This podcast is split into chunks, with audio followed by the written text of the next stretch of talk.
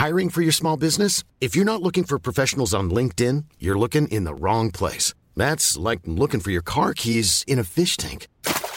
LinkedIn helps you hire professionals you can't find anywhere else, even those who aren't actively searching for a new job but might be open to the perfect role. In a given month, over 70% of LinkedIn users don't even visit other leading job sites. So start looking in the right place. With LinkedIn, you can hire professionals like a professional. Post your free job on linkedin.com slash people today.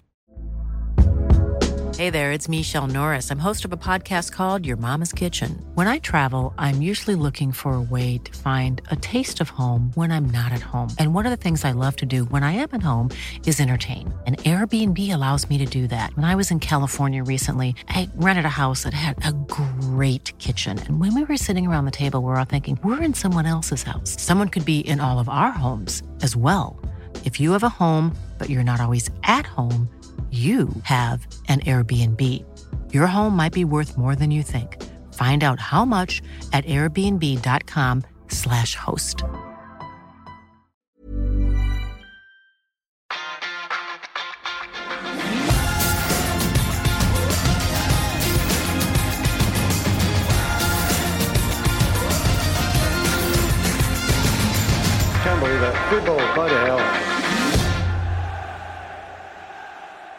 Presidenten har vunnet valget, han er inne i huset, og nå 13 måneder etter at budkrigen om Manchester United begynte, har sir Jim Ratcliffe holdt sin første tale til fansen om hvilken visjon han har for framtida.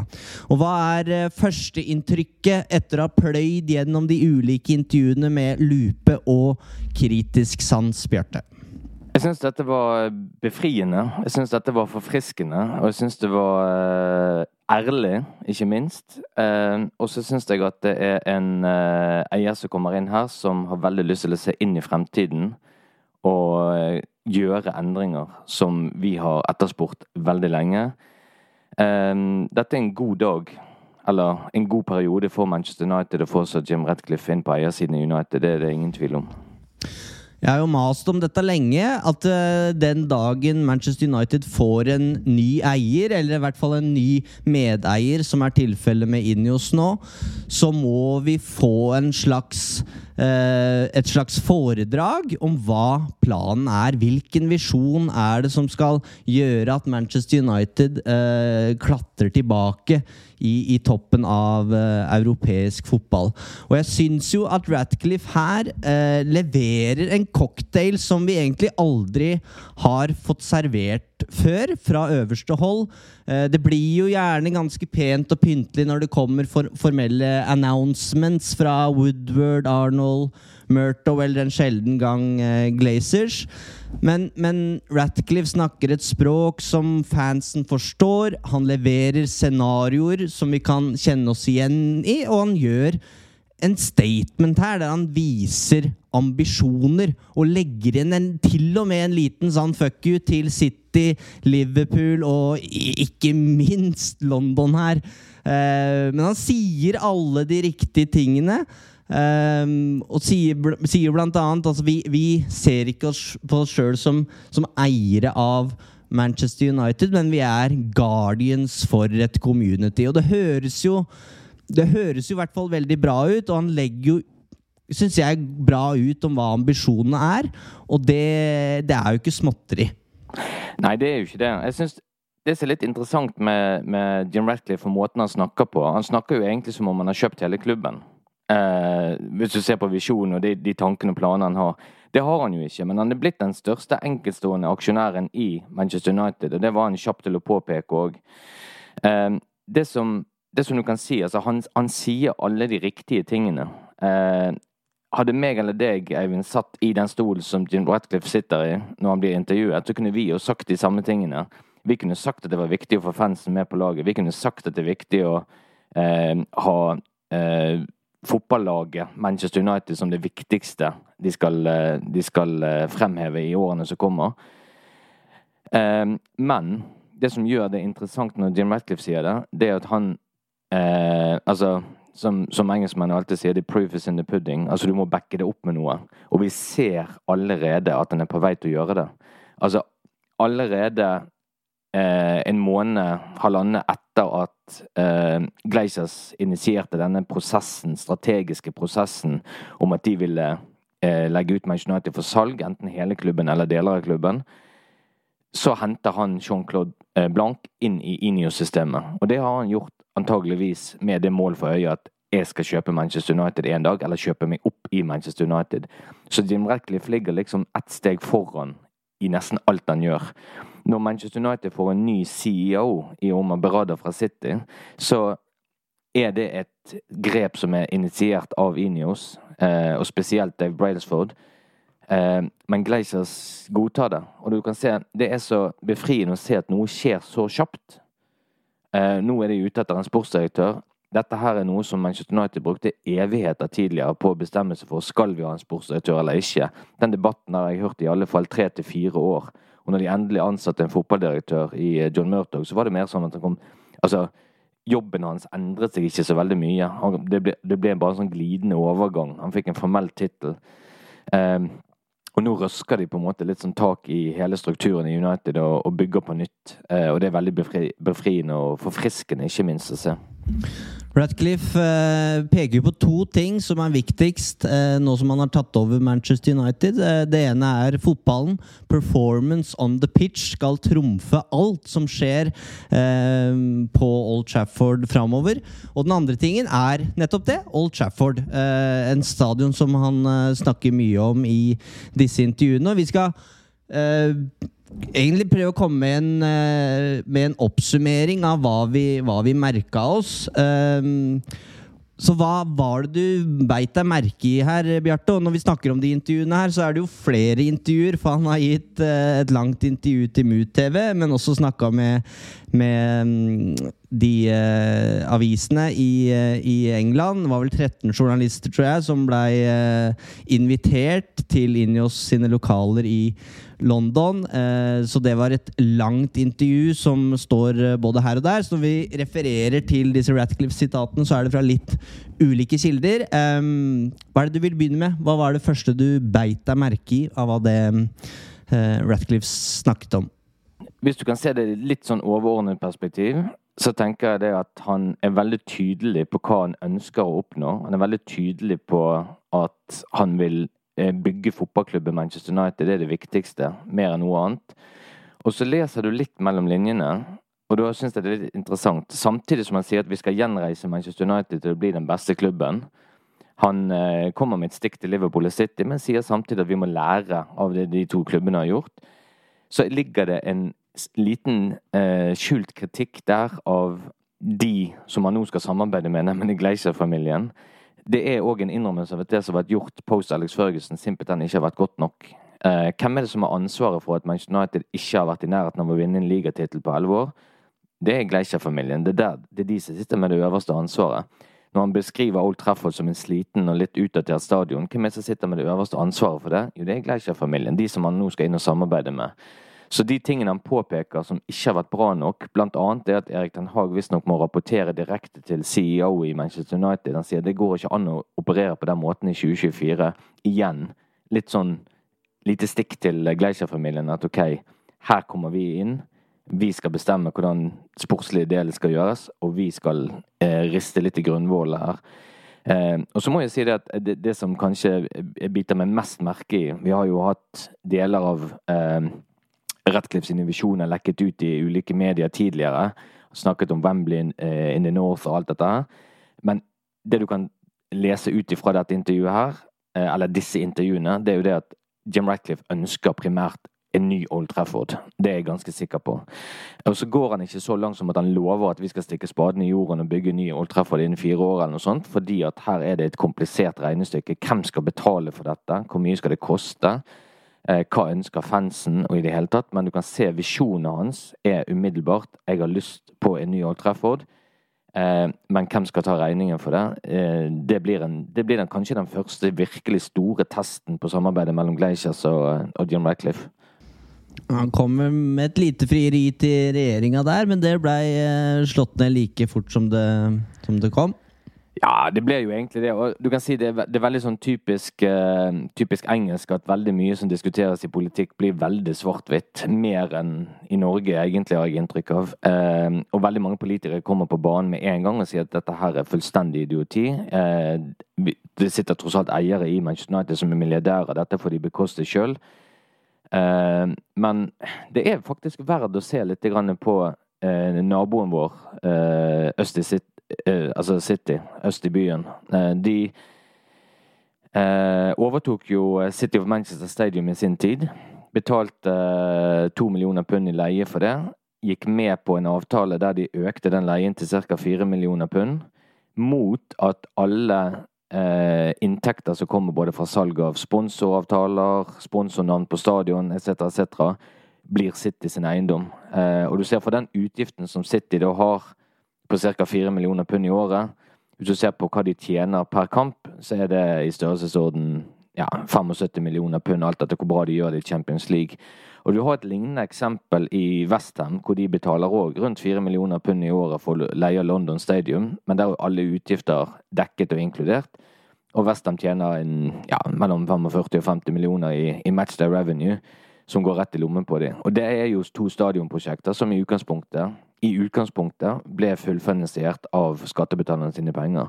Så bildet er ikke nødvendigvis så svart-hvitt som mange vil ha det. Og det er klart at Hvis Manchester United skal bygge en ny State of the Art Stadium, som virkelig er en, en eh, hva skal du si, en Wembley in the North, som, som Jim Radcliffe snakket om, så, så, kan ikke du skvise den stadion inn blant containerhavner og industriområder og alt det der som er der i dag. Du må tenke nytt for hele området. Um, og er det Jim Ratcliffe som skal finansiere at de skal bygges en ny vei? Kanskje i tunnel under Old Trafford? Jeg syns ikke det.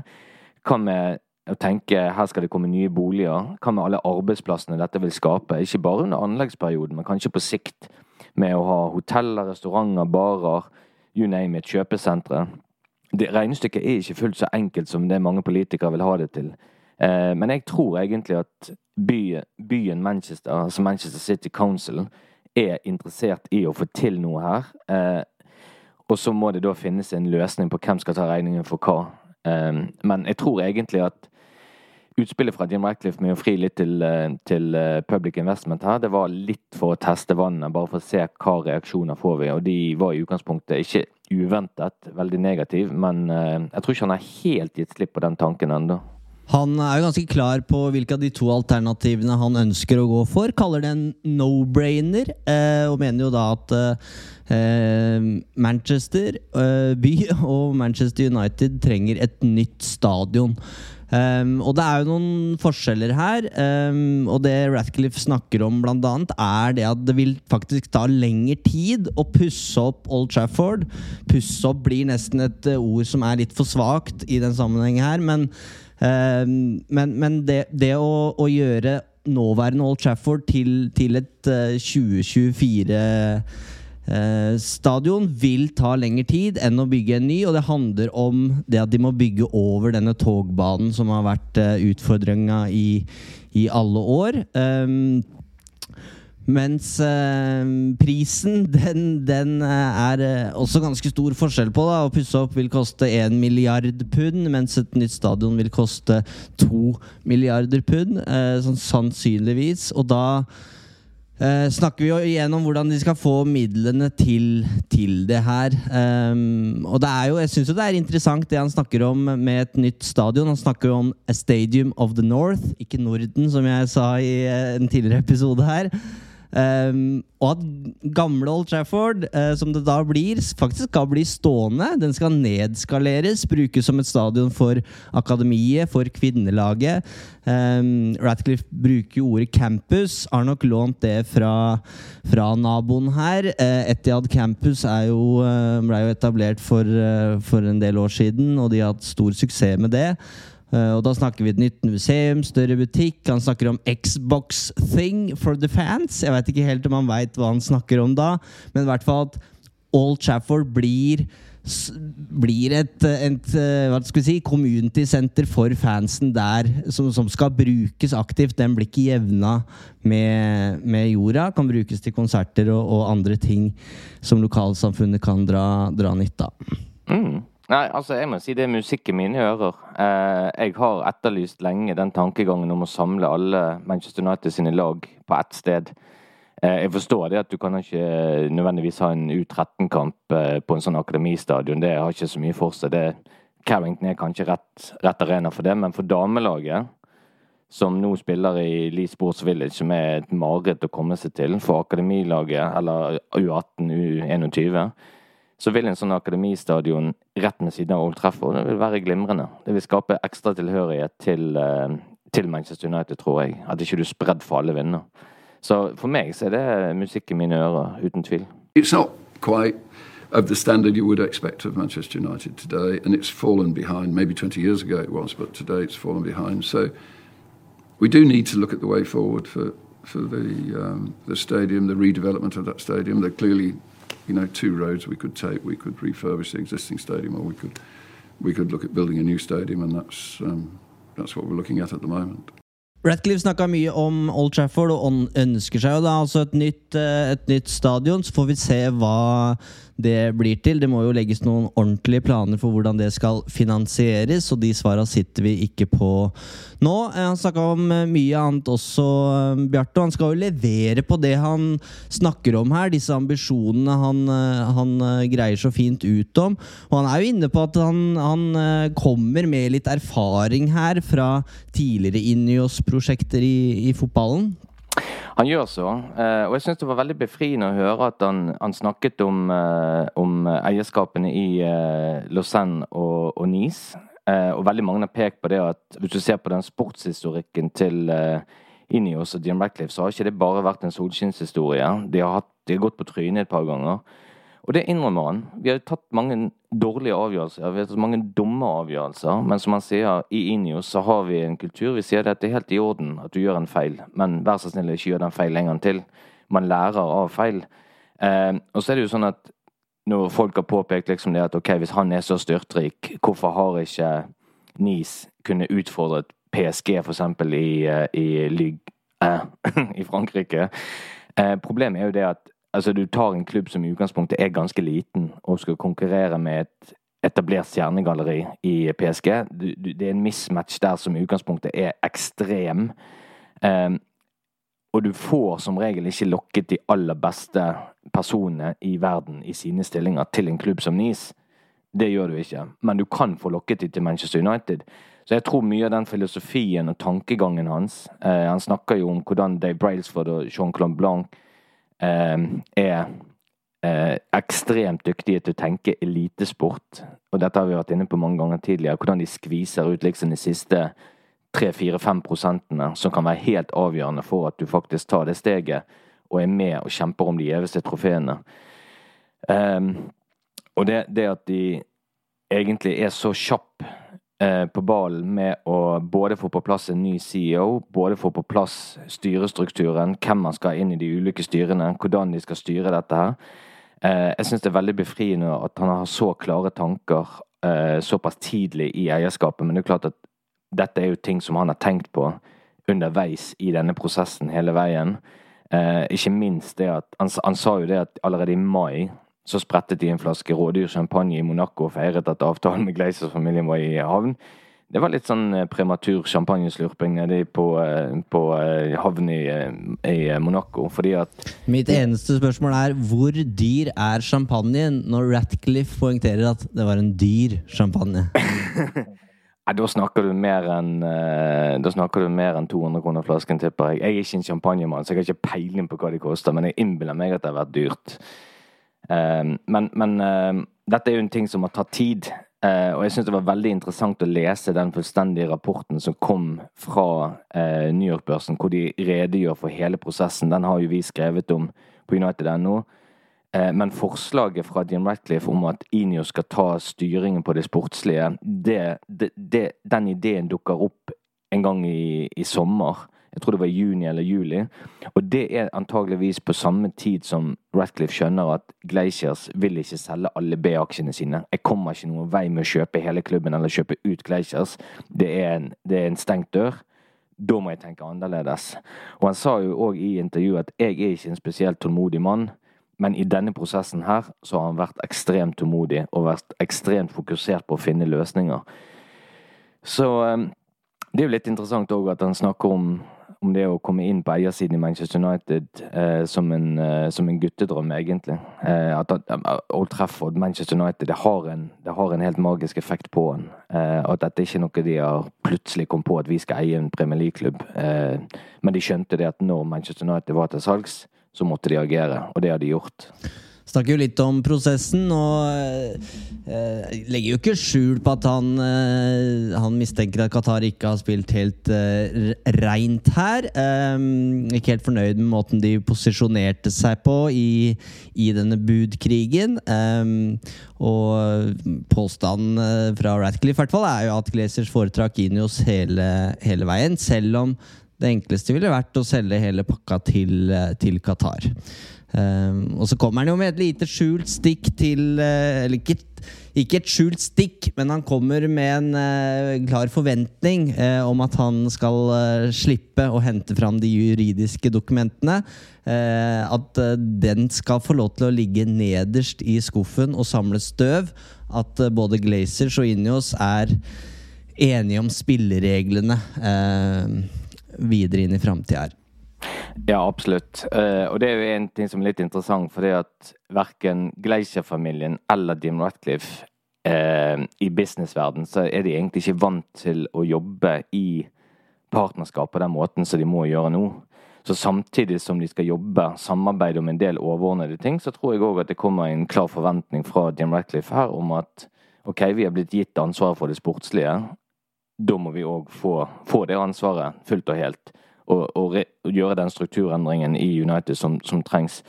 Og så ser du òg, tror jeg, at den første eh, Ikke håndsrekningen, men det første tegnet på tillit fra Glazers til Ratcliffe og hans team, er at de eh, hva skal du si, aksepterer veldig kjapt løsningen med Omar Berada som ny CEO i Manchester United, det var en ansettelse som var drevet av Inios, av Dave Brailsford, som, som Ratcliffe har ekstremt to, stor tiltro til. Og det som er befriende der, det er jo det at eh, når Glazers kjøpte Manchester United, så var jo strukturen i stor grad på plass. Man hadde David Gill som toppsjef, man hadde Alex Førgesen der, man hadde et bra fotballag. Eh, når de skulle begynne å gjøre sine egne ansettelser enten det var managere eller eh, Ed Woodward som CEO, eh, da begynte ting å gå litt på tverke. Og du kan si eh, Ed Woodward var jo en finansmann. Det var hans styrke. Hans styrke lå ikke på det sportslige. Richard Arnold som erstatter han, hans styrke lå på det kommersielle. Eh, han tok bevisst et steg til side, fordi at jeg kan ikke fotball godt nok til at jeg skal ta de fotballrelaterte avgjørelsene, men jeg kan se på hva det koster å gjøre de grepene som John Murtog og Darren Fletcher f.eks. anbefaler meg å gjøre, enten det handler om å kjøpe en spiller eller det handler om å hente en manager. Det, det jeg, det, den biten kan jeg gjøre, men først og fremst så var han et råskinn på det kommersielle. Når Patrick Stewart kommer inn som midlertidig eh, toppsjef i United, så er det fordi at han er en, eh, en uh, jurist, eh, kan alt det, og i en overgangsfase så er kanskje det den viktigste egenskapen du har, at du, du, du kan lovverket i detalj i en overgangsperiode. Du skal ikke gjøre så mange store, svulstige endringer i organisasjonen under en midlertidig CEO, men nå får vi inn en fyr som behersker sport, som behersker det kommersielle, og som behersker det å bygge struktur. Så du får liksom Kinder, du får liksom tre ting i én gang. Eh, og det er, det er, et veldig godt utgangspunkt. Og så liker jeg selvfølgelig ekstremt godt den tanken som, eh, som Ratliff kommer inn med, nemlig at de begynner å bygge nye Manchester United fra toppen. Først så må du ha inn CEO. Deretter må du ha inn sportsdirektøren. Så skal sportsdirektøren få sette sitt team. Og så fyller du alle disse plassene nedover. Um, og det er en uh, organisasjonsmodell som jeg tror United trenger så til de grader, og som jeg tror vil blåse litt nytt liv i, i klubben. I think the, the only interest we have is in winning football matches. And uh, competing for the Premier League and competing for the Champions League. So that's that's that's our only interest in being involved in Manchester United. That is what Manchester United is about. It's, you know, I mean, maybe I'm slightly biased, but I think it's the, you know, it's the biggest and the greatest and the most well-known football club in the world. So it should always be competing for you know. Men vi har ikke snakka om det som sto øverst på lista til uh, Ratcliffe og Bjarte, uh, og det må vi gjøre. Fotballen. Hvordan skal Manchester United bli et bedre fotballag? Uh, og Ratcliffe eh, vil jo ikke felle noen dom over enkeltpersoner. Eh, så snakker ikke Sier ikke noe rent konkret om Erik Den Haag. og kommer, som du sier, med noe kanskje litt sånn skjult kritikk av lederskap til, til Glazers, uten å nevne navn. Men snakker jo mye om the environment, som ikke har vært bra nok i klubben. Og at Erik Den Haag har vært en del av et miljø som ikke har vært optimalisert, for å bruke et, eh, et flott eh, performance-uttrykk. Um, så han, han, snakker jo om at det er kulturen i Manchester United som skal endres. Han snakker om at det skal være driven og competitive, men også warmth og friendliness. Og det høres jo i hvert fall veldig bra ut når Ratcliffe snakker om det her. Uh, og vi veit jo at performance er nøkkelordet til Inios i, i alle disse idrettene som de er involvert i. Um, og så sier han samtidig, som alle er fullstendig klar over, uh, det er ikke bare å trykke på en bryter her. Uh, vi snakker vi, vi, må vente to til tre sesonger. Uh, nå er det en ny organisasjon som skal, skal, settes, med mange nye sjefer inne på kontorene. Og ikke minst, skal, man skal gjennom et par overgangsmarkeder her, eller overgangsvinduer, før man ser resultater. Men han sier jo samtidig at ja, selv om vi ikke blir Real Madrid eller City over natta, eh, så skal det ikke ta ti år. Det er for lenge. Som du sier, så, mm, så er ikke Ratcliffe noen eh, tålmodig mann. Det er heller ikke Ten Hag. Det er heller ikke fansen, med tanke på det vi har vært gjennom de siste ti åra. Um, og 2028 føler jeg blir en litt sånn dato, eller et år som vi kan merke oss. Ratcliffe snakker jo om det i intervjuet. Da er, 100, da er klubben 150 år. Eh, et naturlig merke å, å gjøre opp en vurdering av hvor står dette Inios-prosjektet eh, så langt. Altså, jeg tror den, den største endringen du kommer til å se på kort sikt i Manchester United, kommer til å være i eh, administrasjonen og strukturen i apparatet som skal skape et vinnerlag. Og Jim Ratcliffe snakker jo om det. Viktigheten av å finne de rette folkene med de rette egenskapene og den rette personligheten. Og hvis du klarer å få strukturen på plass og følge den lojalt, så kommer resultatene som en naturlig konsekvens av det. Eh, og jeg, jeg, jeg, liker den tankegangen veldig godt. Eh, jeg har jo sett på Manchester United nesten som en sånn hva skal du si, tradisjonsrik, eh, veletablert restaurant som gradvis har servert dårligere og dårligere mat til folk, og så har man byttet ut sjefskokken på kjøkkenet med jevne mellomrom, altså i overført betydning manageren. Men hvis ikke råvarene er gode nok, hvis ikke bedriften drives godt nok, hvis ikke bookingsystemet er bra nok, hvordan skal du da forvente at han som står på kjøkkenet skal kunne trylle og gjøre det aller beste ut av det? Han kan gjøre det beste ut av det han har til rådighet, og det har jeg inntrykk av at en del av managerne har på en måte følt at det har vært noe med hele organisasjonen Manchester United som har holdt på en måte klubben tilbake igjen. Eh, Louis van Gaal påpekte at United var ikke først og fremst en fotballklubb, det var et kommersielt eh, eventyr. liksom. Det var det som var det viktigste. Eh, Mourinho hadde sine utblåsninger. Eh, Solskjær har vært mer lojal i forhold til Manchester United enn kanskje det van Gaal og Mourinho var i sine utblåsninger. Eh, Ralf Ragnhild snakket om eh, åpen hjertekirurgi. Eh, ble både hyllet og slaktet for, for, måten han kommuniserte på. Men han hadde nok sikkert et poeng. At her trengs det store endringer. Og det er ikke bare endringer i spillere, men det er endringer i hele apparatet som må på plass først. Og så tror jeg òg at det du kommer til å få se mer av i fremtiden, er investeringer i spillere som Jeg tror Rasmus Høylund er en spiller som Jim Ratcliffe ikke hadde hatt noen betenkeligheter med å bla opp 70 millioner for.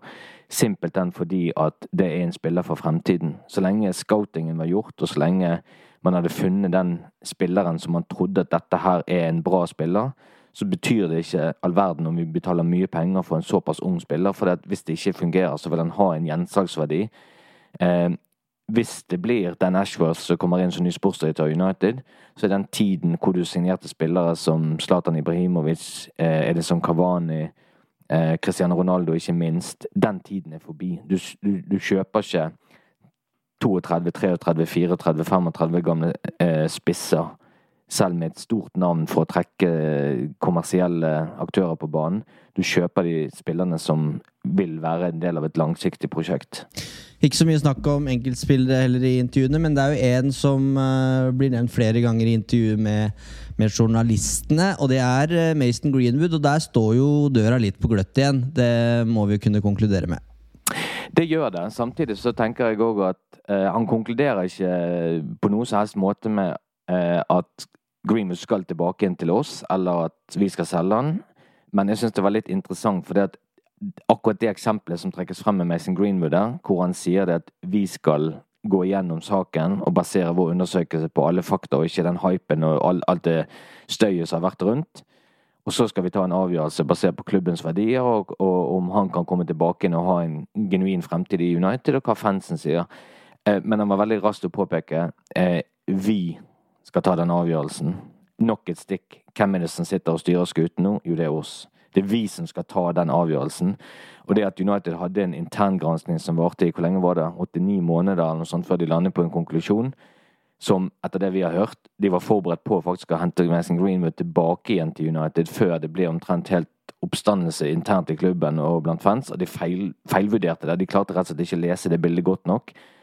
Og så bestemmer seg for at nei, vi må gå for en annen konklusjon. Dette går ikke. Eh, jeg så blant annet at det var en eh, spaltist i The Telegraph, Jason Burt. Han mente jo det at eh, Manchester United, hvis de bestemmer seg for å selge Mason Greenwood, faktisk ikke skulle profittert på det salget i det hele tatt, og rett og slett bare donert pengene til veldedige organisasjoner. Jeg skulle likt å se den fotballklubben som faktisk hadde gjort det i praksis, altså. Det blir, det blir veldig naivt å tenke det på den måten der, syns jeg. Men, eh, men eh, absolutt interessant uh, å se. Jeg er fremdeles dit hen at jeg tviler på at Mason Green vil ha en fremtid i Manchester United. Um, men det er ingen tvil om at han bruker Jim Ratcliffe, altså han bruker den anledningen til å vise med det eksempelet hvem som nå skal styre og gjøre de eh, gjøre de bestemmelsene i Manchester United på alt som har med det sportslige å gjøre det er han, det er inni oss, det er hans team. Det er to ting jeg sitter igjen med etter å ha hørt, på disse, mm, hørt og lest disse intervjuene. Eh, det første er at eh, Ratcliffe viser her at han forstår hvilken klubb han eh, er inni. Hvilken klubb han nå er medeier av. Han, jeg syns han adresserer disse utfordringene som Manchester United har hatt i, i 10-11 eh, år nå på en veldig god måte. Han viser at han, han, skjønner hva roten til problemet er her, og han presenterer løsninger som fansen har spurt etter i alle disse åra. Eh, og så er spørsmålet om han klarer å på en måte levere på det. Eh, han selger på en måte inn en tanke her, en idé om uh, dette om Norden. At Manchester, og spesielt nordvest, Manchester United, skal på en måte være større enn en London og London-klubbene. Um, og tror han har, uh, har alle, alle United-supportere bak seg. Så for meg, det vi kalte en lite ideell mellomløsning uh, Når vi først hørte om, hørte om den i høst, den ser ganske mye bedre ut enn det vi hadde frykta. Um, den andre tingen jeg tar med meg, Det er at jeg klarer fortsatt ikke å fri meg fra tanken på at han uh, godeste Ratcliffe kunne vært en ganske god stand-in for Ian McKellen som uh, Gandalf i 'Ringenes herre'. Han er veldig lik, altså. Ja, de er ikke helt ulike, det er sant det. Men han har jo et poeng. Han har jo et veldig godt poeng når han snakker om, eh, om liksom makssenteret for fotball uh, i Nordvest-England. Se på hvem som har vunnet flest trofeer historisk sett. Eh, legg sammen Liverpool, Manchester United og nå Manchester City de siste ti årene. Og så kan du sammenligne med London-klubbene, som har hatt mange flere klubber i Premier League, med Arsenal, Chelsea, Tottenham, Westham, QPR, nevn alle sammen, og se hvem som har vunnet flest trofeer. Det er ikke tvil om hvor egentlig det maktsenteret fins, og det fins i Nordvest, det fins ikke i London. Selv om de eh, av og til er oppe og ypper seg litt. Grann. Så han har jo et poeng. Og så har du et veldig godt poeng med Gandalf. There is nothing I would like better than to knock them both off their perch, sier jo uh, Ratcliffe om uh, City og Liverpool. Så får vi se om han får rett. Det var i hvert fall en uh, smart referanse der til Ferguson, som han også har møtt flere ganger etter at han kom inn i Manchester. Absolutt. Og så var det veldig kjekt å se at han eh, drar frem Erik Cantona liksom som, eh, som, sin favorittspiller og bekrefter det, og sier at han skal ut og spise lunsj med han.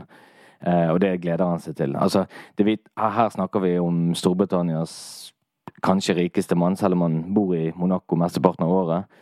Eh, han er god for ja, rundt 30 milliarder pund. Eh, dette er en mann som egentlig har alt han kan ha i livet. Men som han sier, jeg har en ganske lav terskel for å kjede meg. Han må ut på eventyr, han må gjøre ting. Han har fullført eh, både maraton og super-Ironman, eller hva alt dette heter. Han pusher seg sjøl. Han har gått til Sydpolen, han har gått til Nordpolen. Han har gjort veldig mye som er langt utenfor komfortsonen. Eh, men så vet han nøyaktig hvordan han skal treffe United-fansen i hjertene. Liksom Han snakker om Cantona som en favorittspiller, og at det faktisk er stort for han styrtrike mannen på 71 år som har alt han egentlig ønsker seg i livet, han skal få lov til å gå ut og spise middag eller lunsj med Erik Cantona, det syns han er stas. Og det er jo sånn som United-fansen liker å høre. For det, er ikke alt som kan kjøpes for penger her i livet. Det aller meste kan, men eh, jeg tipper Ratcliffe tar regningen for det restaurantbesøket, eh, og at han syns at det vil være utrolig hyggelig. Mye som tyder på at dette her kan uh, bli bra. Uh, takk for at du hørte på. Tjo